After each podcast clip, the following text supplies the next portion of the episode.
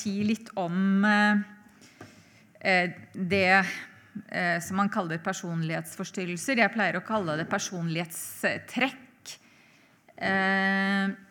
Med mindre det er, passerer denne threshold for personlighetsforstyrrelse. Da.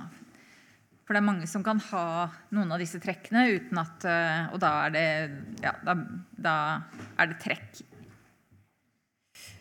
Um, og mange av disse handler jo på en eller annen måte om om uh,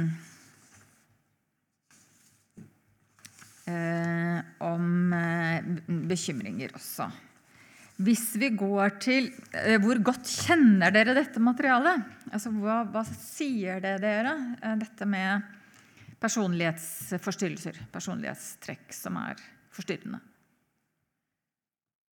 Kjenner dere til noen forskjellige personlighetsforstyrrelser? Hvis du nevner noen begreper, så kanskje det er litt lettere. Så det snakkes jo om narsissistisk Ja. personlighetsforstyrrelse Ja. Ja. Ja. Ja. Det er ikke personlighetsforstyrrelse. Det er, eh, det er eh, psykisk lidelse. Ja, det er diagnoser psykisk lidelse. Så Personlighetsforstyrrelser de kan i hovedtrekk så kan de også deles inn i noen forskjellige sånn hovedvarianter. Den derre eh, B-kategorien er den slemme kategorien. Narsissistisk, antisosial eller dyssosial, som er litt annerledes enn det. Eh, og borderline kan eh, blande seg godt med noen av de, og da blir det ganske, en ganske slem variant. Men kan, ja, det kan hende at den slemmeste varianten er der hvor det ikke er borderline også, forresten. For er borderline den er ustabil. Så hvis du er dyssosial og ikke ustabil, da er du kanskje enda verre. Hvis du er hard, kalkulerende, dyssosial, det er kanskje det verste du kan Og narsissistisk, dyssosial person, det er kanskje noe av det verste du kan ha. Eh, og de er, ikke så mye, de er ikke så mye preget av angst. Altså den dyssosiale, narsissistiske og antisosiale. Det, det, det som er problemet med den, eh, som gjør at den ofte ikke er så lett å behandle eh, Noen regner den for nesten umulig å behandle. Det er jo fordi det er lite lidelse forbundet med det. De påfører andre lidelser, men de lider ikke så mye selv. Men så kan man komme til et punkt hvor det blir en lidelse. F.eks. at man mister familien sin. Eller, eh, at- altså at det, og særlig hvis det er kombinert med ting som har med lidelse å gjøre. Rus og Så, så den kan jo være bevegelig. Men den er med, mindre forbundet med lidelse. Og da kan det også være mindre motivasjon for å endre på det. Den kan være forbundet med makt. Og det kan være vanskelig å eh, gi fra seg makt. Men så blir det jo også i lengden en avmakt for veldig, veldig mange. Og det er i avmakten man kan plukke også sånne personer opp noen ganger, da. Eh, og så er det noen andre personlighetsforstyrrelser som, som er mye mer forbundet med lidelse. Eh, den ene heter unnvikende eller engstelig personlighetsforstyrrelse. Eh, det kan handle om at man unngår sosiale og yrkesmessige aktiviteter som innebærer mye eh, mellommenneskelig kontakt av frykt for å bli avvist. Eller frykt for å få kritikk. Altså at man er så redd for kritikk, redd for at noen ikke skal like meg, eller redd for eh, eh, ja, å bli misbilliget. At man ikke klarer å stå fram med seg selv. Eh, når man har snakket om skam, så er det i en kultur så har man to begreper for skam. Den ene er skammen for å Altså den skammen du For, for å eh, være ulik andre. Det er, og det er det, dette vi snakker om nå. Altså skam for å ja, skam for å skille seg ut. Jeg vil ikke skille meg ut. De som har mye sånn unnvikende for personlighetsforstyrrelse, det er klassisk at de går i veldig eh, veldig konform Altså bruker lite farger. Kan gå i svart og grått, kanskje blått. Eh, men har ha veldig lite variasjon, liksom ting som kan skille seg ut på noe som helst eh, vis. Jeg har truffet noen av de beskrev, spør hvordan de har det hjemme. Kanskje helt hvite vegger, kanskje liksom helt, helt sånn intetsigende. Akkurat det som er moderne nå. Litt av det, men veldig lite av noe som sier noe. Eh, men så er det en skam på den andre siden av bordet. Da. Nå går jeg litt ut av denne personlighetsforstyrrelsen. Det er en skam på den andre siden av bordet som er skammen over at du ikke står opp for deg selv. Altså at du, at du svikter det som er ditt eget. Når, eh, at du ikke liksom klarer å være deg. Det kan du også føle skamfølelse for. Jeg klarte ikke, eh, klarte ikke å stå opp for meg selv. Samme nå? Nei, nå, nå snakker jeg egentlig litt om Nå går jeg litt ut av dette her. eh, Ut av unnvikende, for den unnvikende, den vil men, men de også vil jo oppleve den skammen. Eh, Men det er eh, En unnvikende vil være veldig fokusert på at 'jeg skal ikke skille meg ut'. Det er skamfullt å skille seg ut. Men hvis du gjør det, hvis du ikke skiller deg ut, så vil du også, det vil også unnvikende personlighets, eh, eh, personligheter gjøre, de vil oppleve en skam over at jeg ikke bringer fram meg selv noe sted. Eh, Jeg husker det jo når lærere på Blindern siterer Bibelen eller nevner Bibelen. Han gjorde jo det, han Jon Monsen. Han eh, eh, snakket om Peter som, eh, som ikke vil skille seg ut. Så han fornekter ja, Han kjenner ikke det. Han vil være alle som alle de andre. Det er farlig å skille seg ut. Så han fornekter at han kjente Jesus ikke sant? tre ganger. Og så galler hannen, og så kommer da skiftet i skamfølelsen, hvor han husker hva Jesus sa, og så skjems han over at han ikke sto opp med seg selv. Og da går han ut og gråter over den skammen. Eh, så, altså alle mennesker vil ha begge de formene for skam.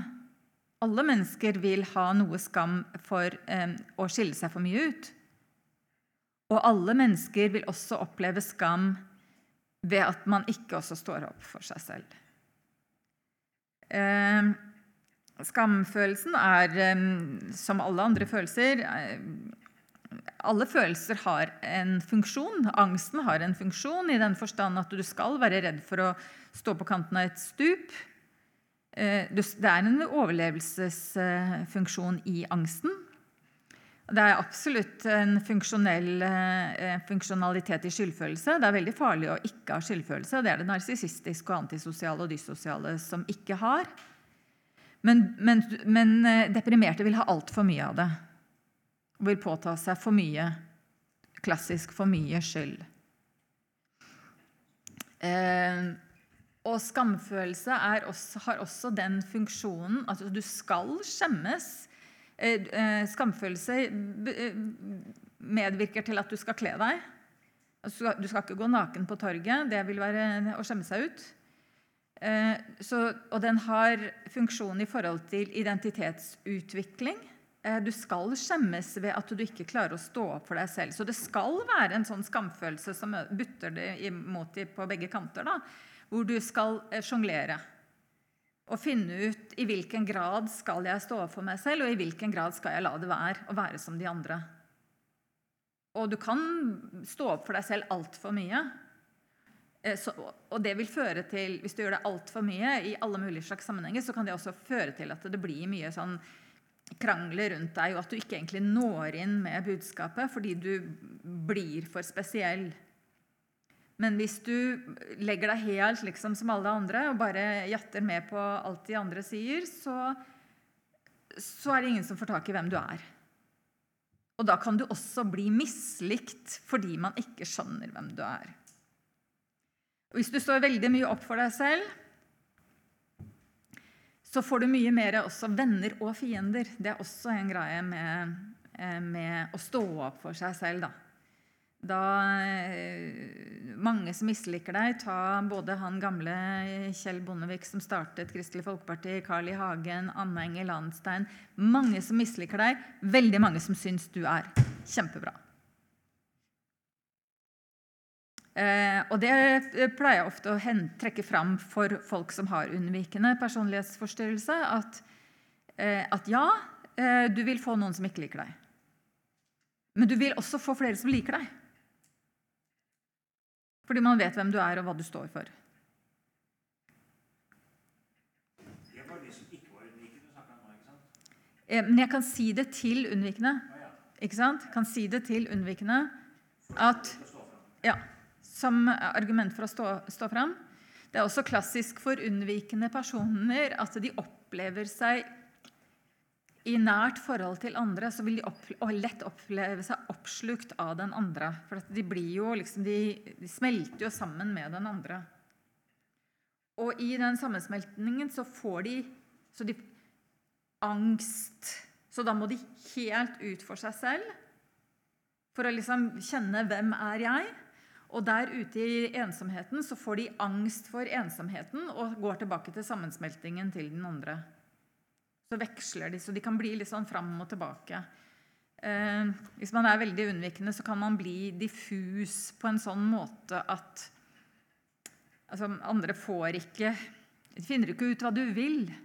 Og så kan de bli litt sånn indirekte signalisere at de er misfornøyde, da eh, legge seg under uten at du får tak i hva de vil ha, og så kan de være litt sånn indirekte misfornøyde. Og, du, og da vil du lett, hvis du er mye sammen med en som er veldig unnvikende, så vil du lettere bli dominant, for at den andre tar jo ikke noen av disse valgene og står ikke fram med noen ting.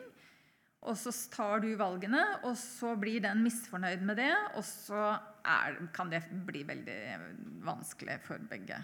Så unnvikende er vanskelige Hvis det er veldig unnvikende, så kan det være vanskelig i lengden å håndtere for omgivelsene.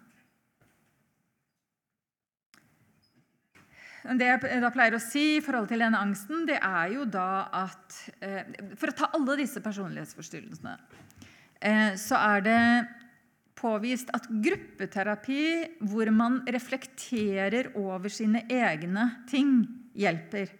Så det å Eh, det å, hvis man møter noen som er unnvikende, ha en refleksjonsgruppe over hvordan man er, altså hva slags trekk man har, så kan det være medvirkende til å bli seg bevisst disse trekkene og også endre på dem.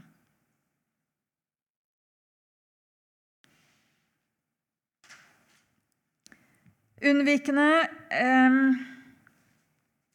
ja, jeg, Man behøver ikke å score på alt dette her. Eh, det er, eh, nevner noen trekk her, så må du ha score på kanskje fire-fem av de for å bli klassifisert som at da er det en forstyrrelse.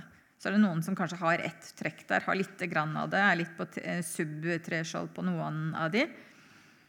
Men som er unnvikende, den vil da ofte ikke være villig til å involvere seg med andre mennesker så sant man ikke er sikker på å bli likt. De tar lite initiativ til vennskap. De skal vite at de er likt først. Og det er jo ganske slitsomt for eh, andre, da, for alle liker jo å få litt initiativ fra noen. Så hvis du føler at du alltid må være den som tar initiativet, så vet jo ikke du helt hvor du har den andre. Så unnvikende det er personer som du ofte ikke vet hvor du har hen, og som derfor kan bli mislikt. Så de kan oppnå akkurat det de er redd for å bli.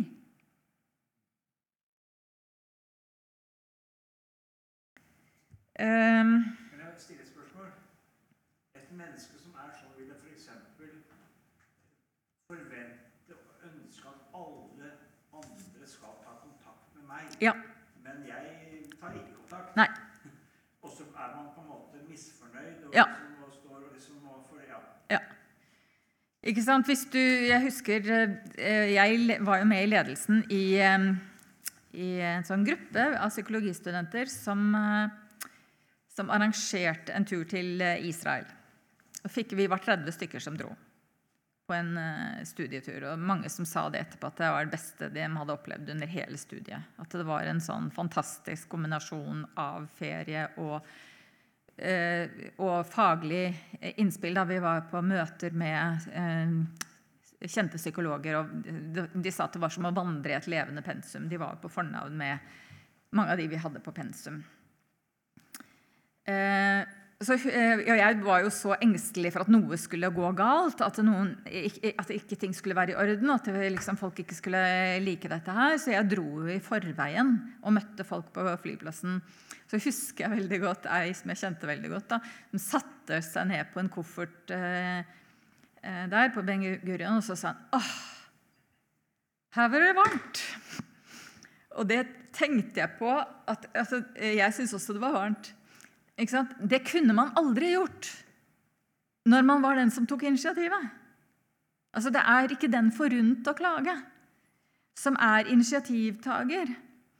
Eh, Det er eh, de som ikke tar initiativet. Det er dem forunt å klage.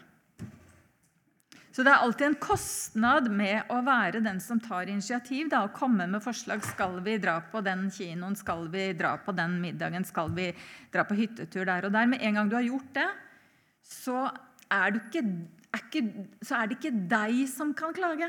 Det er ikke du som kan si at her var det litt mye salt i maten, eller liksom ja, du, altså, du kan selvfølgelig, men det er mye mer eh, de som ikke har tatt initiativet, som, eh, som eh, er i posisjon til å kunne klage.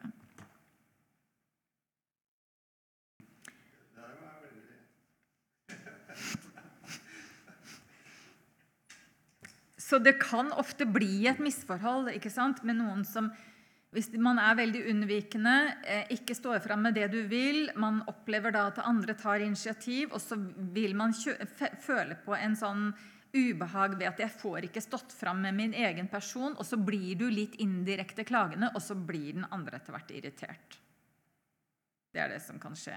Og så vil du egentlig bli likt hele tiden, for du, jo, altså du føyer deg jo bare. Så du skal bli likt, men så er det det du ikke blir. Så det å våge å bli mislikt kan være en forutsetning for også å bli likt. Og det å våge å bli veldig mislikt kan være en forutsetning for å bli en stor politiker.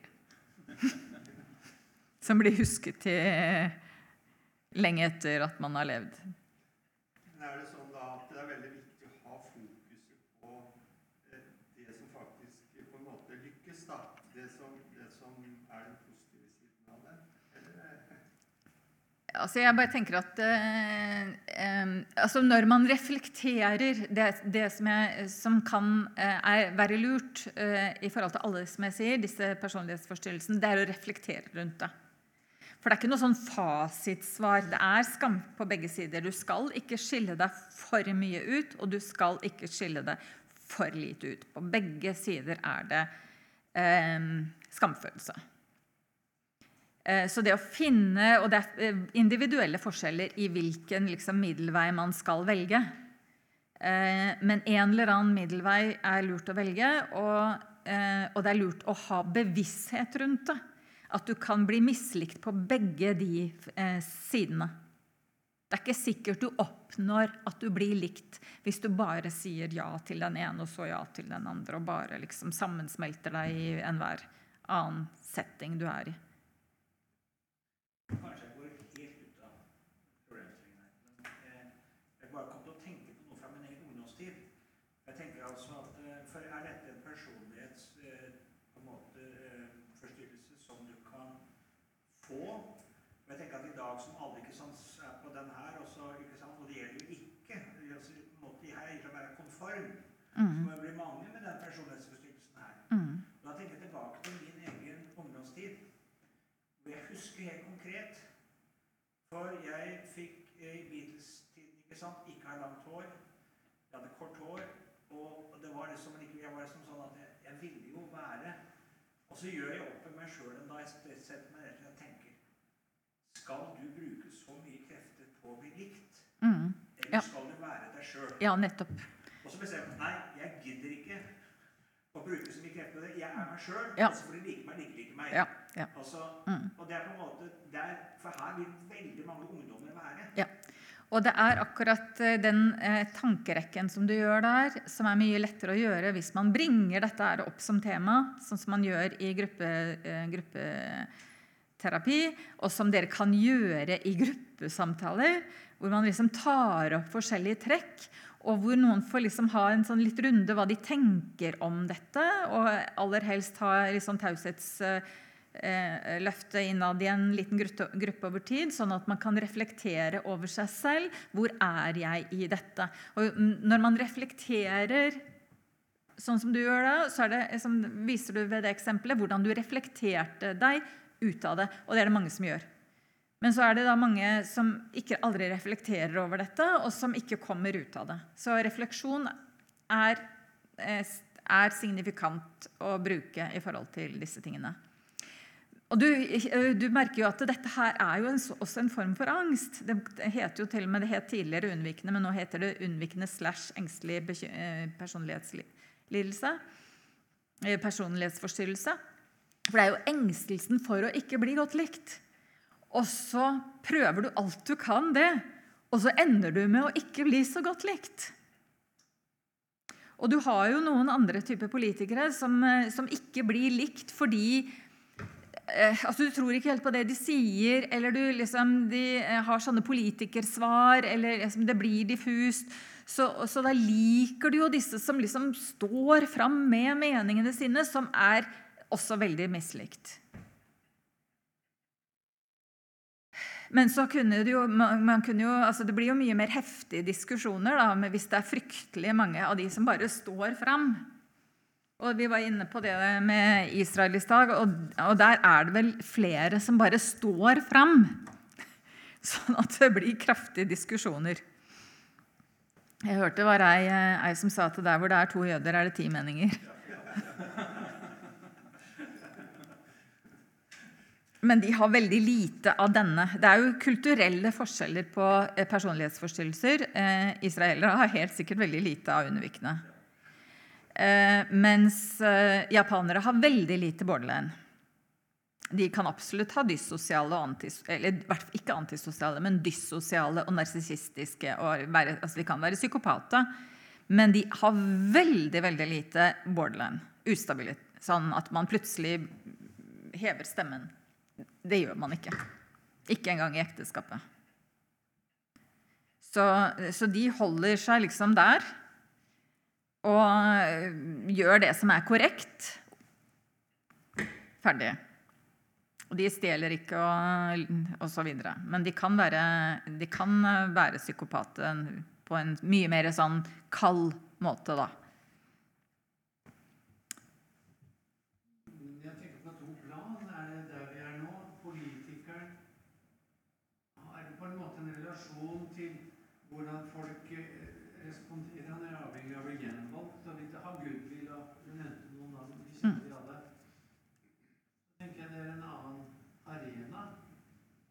Det jeg sier at eh, Hvem er jeg, og hvordan har jeg blitt sånn? Ja, det er jo det er jo mamma og pappa først og fremst da, som er skyld i det. Mm. Selvfølgelig. For jeg tror jo det, da, at eh, det er vel min far da, som hadde Han gjorde feil der og der. Min mor og så det arvestoffet som jeg fikk der, det var jo ikke bra. Mm. Så det- jeg harselerer nå. Mm. Men jeg har møtt en del i det senere som tydeligvis er det Kant, Sigmund Freud, darwinisme deres, som går ut på at det, Kort og enkelt, som jeg sa til en kone på nabogården, var død nå. Ja, det er vel sånn sett alt skyldes vel egentlig alle andre. Mm. Da ble det stilt. Ja. Og da sa hun sånn Det der har jeg tenkt mye på, Så. Ja. Det bare datt ut av meg. Ja. Fordi Ord Canelsa står og ser inn i peisen. Det er jo Mm. nattens fjerde nattevakt på Alberget. Ja. Og så ser vi inn i peisen der om natta, så det var noe Jeg husker ikke det samme, men kanskje noen kan hjelpe meg. Alt skal være annerledes! Mm. Ja. Så bryter det sammen. Du går inn på et tema Det er også et eh, sånn eh, tema som jeg syns er veldig spennende. Det, eh, jeg drar meg litt ut av det. Jeg kan bruke to minutter eller tre minutter på det hvis dere vil. Men jeg skrev en, jeg skrev en sånn eksamensoppgave om skyld og skam. Og i, når jeg reflekterte lenge over det, så fordi det er noe som er her type juridisk skyld og så er det psykologisk skyld, og det blir skilt på. Altså fordi at du kan, eh, du kan, være skyldig, men så kan du også jobbe med å eh, tilgi deg selv, men du er likevel skyldig. Juridisk skyldig. Du må sone. Du kan tilgi deg selv, men du må sone, for du har gjort noe galt. Og sånn er det. Og i, når jeg jobbet med, den, eh, med det, så begynte jeg å drøfte med meg selv hva jeg mener om, eh, om rettsvesenet i forhold til at man frikjenner eh, på psykisk grunnlag. Første gangen jeg så noen si det samme som jeg da hadde tenkt, det var i den Breivik-saken. Da var det faktisk en artikkel ute på det. At man kanskje bør eh, være skyldig og kanskje dømmes til, eh, til behandling osv. Eh, men, men at det er en juridisk skyld der. For alle som har drept noen, har en eller annen bakgrunn, forstyrrelse eh, altså det er noe som, altså, Noen ganger kan det forstås fordi de har vært utsatt for uh, alvorlige ting fra den personen. andre ganger, Men altså, det er en forstyrrelse som til slutt gjør at du dreper. Så du kan egentlig eh, kanskje frikjenne mange flere. Men så er det kanskje feil å frikjenne. Det er kanskje heller ikke riktig å gi en som er schizofren, klippekort til å skulle eh, ramponere glassmagasinet. For de fleste schizofrene kan Altså man kan Man har noen valg der. Så det å eh, eh, Og det å, det å, påta seg først skylden Altså først påta seg skylden. Påta seg ansvaret. Det er også der nøkkelen ligger for forandring. Altså hvis du ikke har gjort det, altså hvis du ikke kunne noe for det, så kan du jo ikke endre deg. Hvis det absolutt, altså det er, og det er jo noen, det, Når det gjelder voldsproblematikk, så har det innebygget i språket ting som ikke stemmer. Det er sånn 'Jeg sprakk av sinne'. Hva er det for noe? Det går ikke an å sprekke av sinne, men man, men, men man bygger inn en sånn, eh, sånn skyldfraskrivelse til og med liksom inne i språket. Det er ikke noe som heter å sprekke av sinne. Sinne er ikke epilepsi. Sinne er ikke at armen plutselig går den veien. og den plutselig, altså du, du mister ikke kontroll over armer og bein hvis du er sint. Eh, så, så, det å påta seg først skyld, og deretter jobbe med liksom, å få tilgivelse for at du har gjort det, og likevel måtte gjøre opp for deg, er en annen måte å tenke på.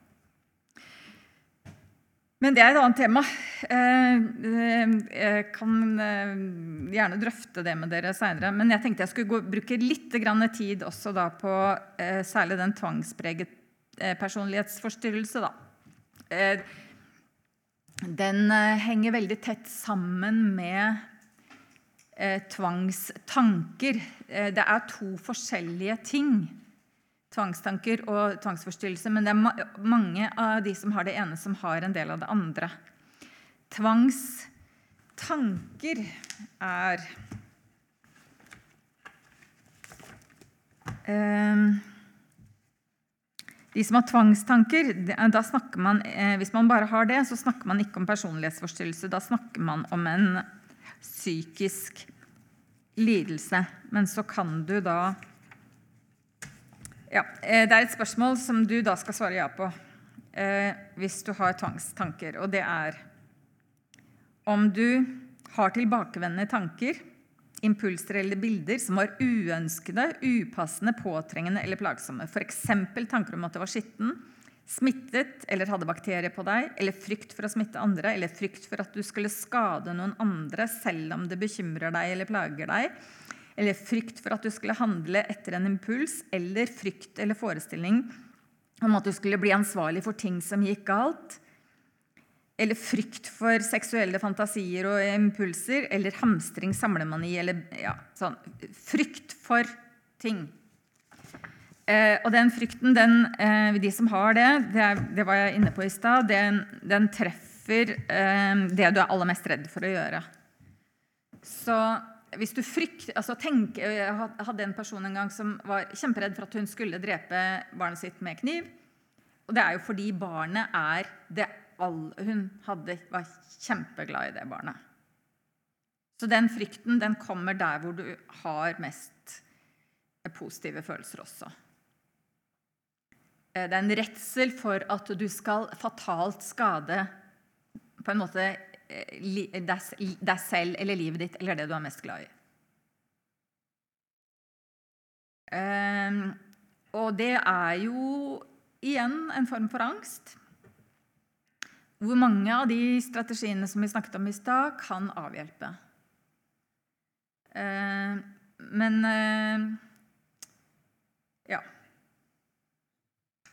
og så er det også dette med å, ane, å, få, mer forståelse for hva det handler om. Altså det, at det handler om, eh, om eh, redsel for egentlig å Det er nesten en redsel for å dø. Altså, frykt for å stå opp i en forsamling og eh, si oppskjønne, fryktelige, stygge eh, fæle ting som gjør at du aldri kan vise deg mer. Frykt fordi man, denne forsamlingen betyr noe for meg. Eh, så så den frykten, det er eh, det å få forståelse for at eh, når du blir så redd, så er det fordi det betyr så mye for deg. Og så kan det være ålreit med noe normalisering. Altså det er helt vanlig. Alle har, tror jeg, hatt en tanke om at det ligger en mulighet for å gjøre noe annet enn å beskytte. Sånn som med den fuglen. Altså det som gjør at det er veldig spesielt og fint å kunne holde en fugl på hånden, det er at du samtidig vet at denne tilliten Altså, du har fått en tillit. Og det hadde ikke vært noe hvis det ikke også hadde vært en mulighet for at du kan misbruke den tilliten. Og tillit er eh, noe fint som Det som gjør at det blir fint, det er jo også at det er skjørt. At det ligger en mulighet for å misbruke tilliten.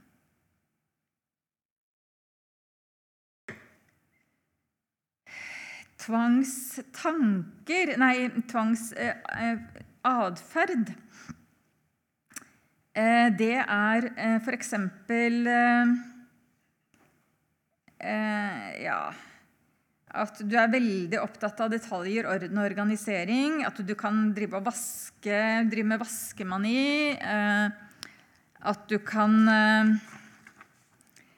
være så eh, det, eh, Være perfeksjonistisk, være så opptatt av å få ting helt riktig at du aldri får ting ferdig eller bruker altfor lang tid på det. Eh, det kan også være rigiditet, at du ikke, ikke slipper andre til fordi du, du tillater ikke at det, blir gjort noe annerledes enn det du ville tenkt. Eh, Og noen av de tingene det behandles eh, ved eh, altså Noen ganger så har man sånn eksponerings, eh, konsentrert eksponeringsterapi på grupper på som, som, sykehuset har. Hvor man kommer og får gjort ting, de tingene man er redd for, og får stå i de negative følelsene eh, osv. En ting som kan sies om tvangspreget personlighetsforstyrrelse, det er at eh, litt av disse trekkene Det er den eneste personlighetsforstyrrelsen ja, Litt grann på en annen òg. Men denne er i hvert fall positivt korrelert eh, med høyere utdannelse. Og så er den negativt korrelert med eh, kriminalitet. Sånn det, og den er særlig forbundet med regnskapsførere og forskning.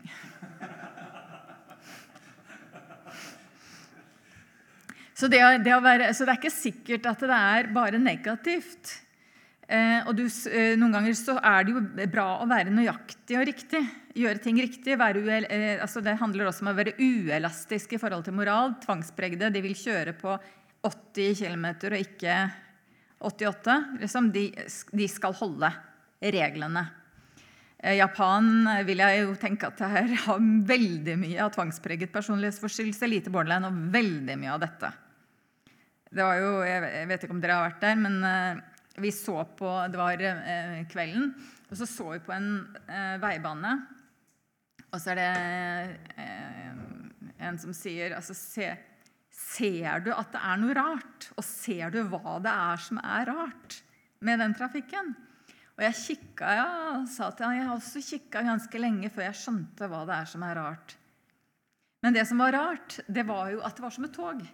Altså var, fartsgrensa var sikkert eh, kanskje 120, den ligger litt over, eh, i hvert fall litt over eh, norsk fartsgrensa. Og da kjører alle i 120.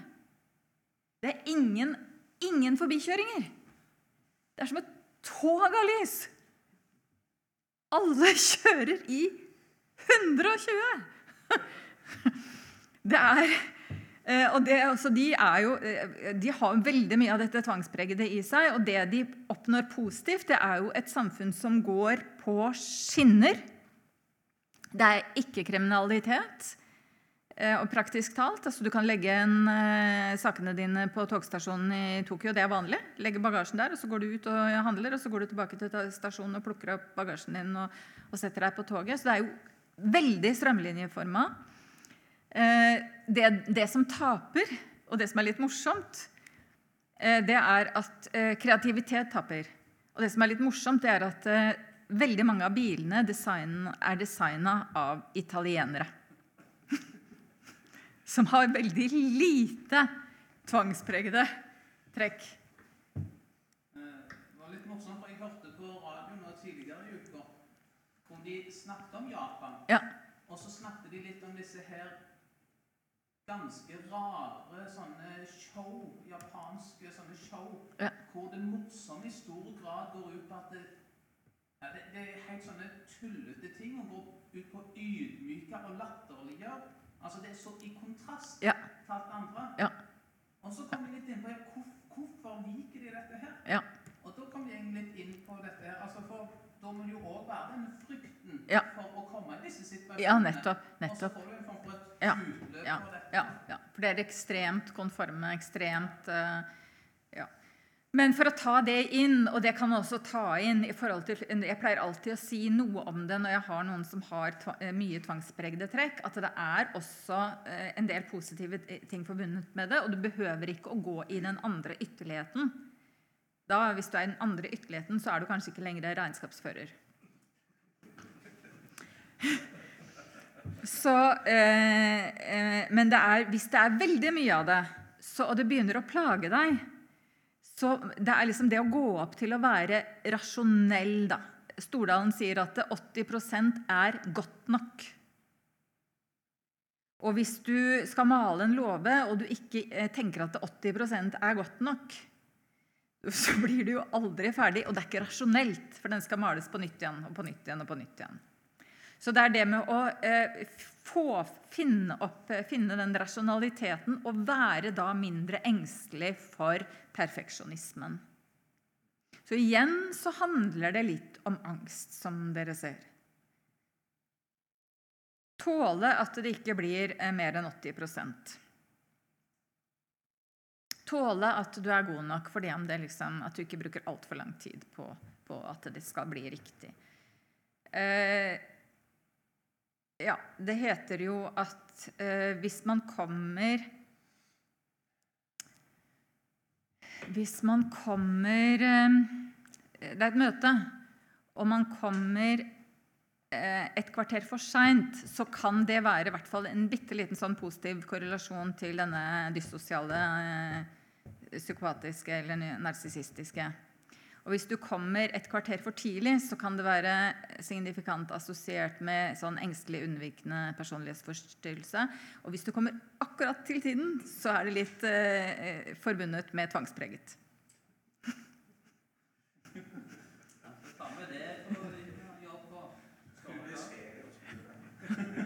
Vi som har litt av forskjellig her, da. Og så er det kulturelle eh, forskjeller òg, ikke sant? Eh, veldig store kulturelle forskjeller. Eh, nå drar jeg det litt ut, men vi var på en sånn kortur til Slovakia. Kirke, eller gospelkoret i Holmestrand. Og, og gospelkor eller fra forskjellige steder var i Kårsice helt øst i Slovakia. Rett etter at de åpnet, fjernet kommunismen, så var det en sånn eh, kultursammenheng. Og da var det jo flere kor som da skulle til eh, møte i, fra, fra forskjellige land, som skulle møte på forskjellige steder. Og det var en som bemerka at det skjer hver eneste gang.